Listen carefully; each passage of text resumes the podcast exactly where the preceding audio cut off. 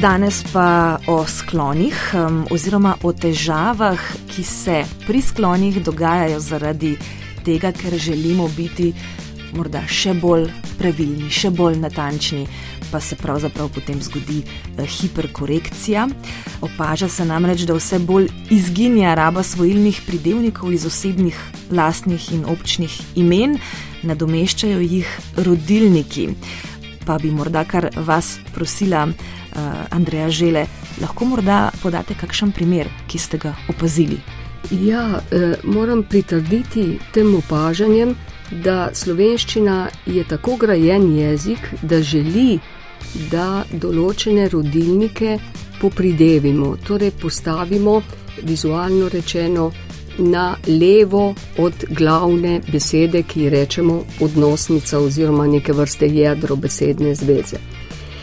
Recimo, tukaj je zelo lepo, če rečemo na mesto imetje jemca, recimo, če uporabimo lastno ime, jemčevo imetje, če znamo tako tvoriti. Vendar tukaj, zlasti pri lastnih imenih, največkrat se to dogaja pri lastnih imenih, je treba biti pozoren, da moramo navesti v rodilniku tako ime kot priimek določene osebe.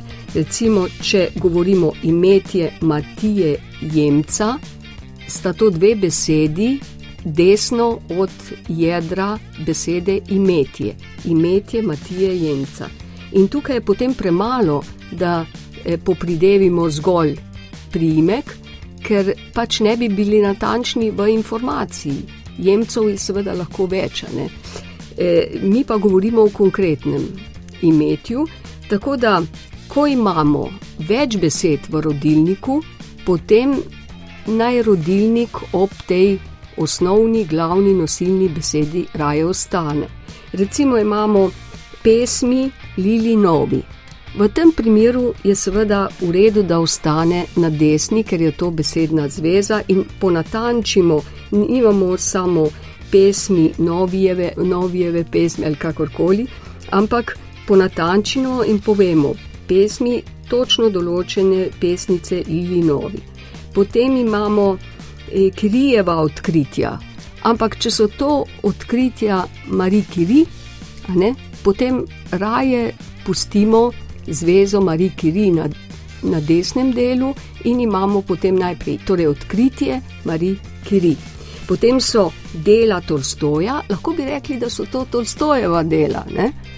ampak hkrati pa vemo, da je Tolstojev bilo več, ki so pisali različne stvari sicer in potem imamo, moramo biti natančni in rečemo dela Nikite Tolstoja ali pa dela veliko bolj znanega Leva Tolstoja, so pa tudi priimki, ki v slovenskem jeziku nekako ne dovoljujejo popridevljanja.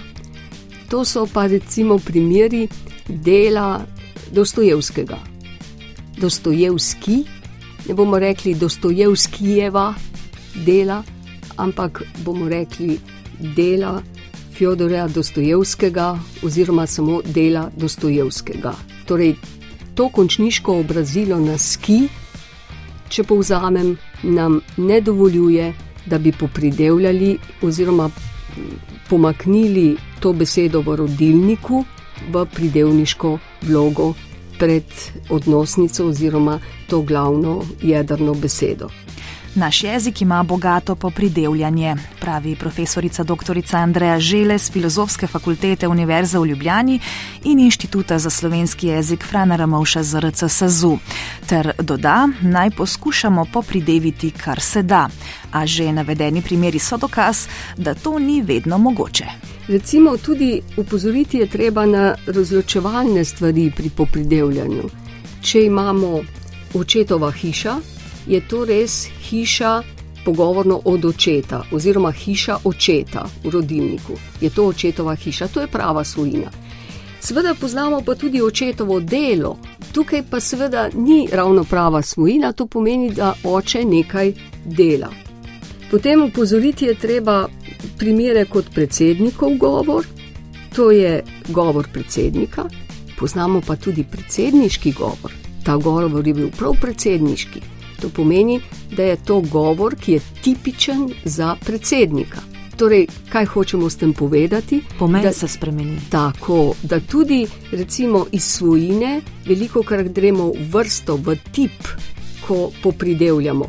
No, to se lepo vidi recimo na enem takem tudi primeru, razen predsednikov govor proti predsedniški govor, imamo tudi primere šolsko igrišče. Primer takega popridevljanja. To je dobra zveza, vendar hkrati se moramo pri tej zvezi zavedati, da ta zveza lahko pomeni troje.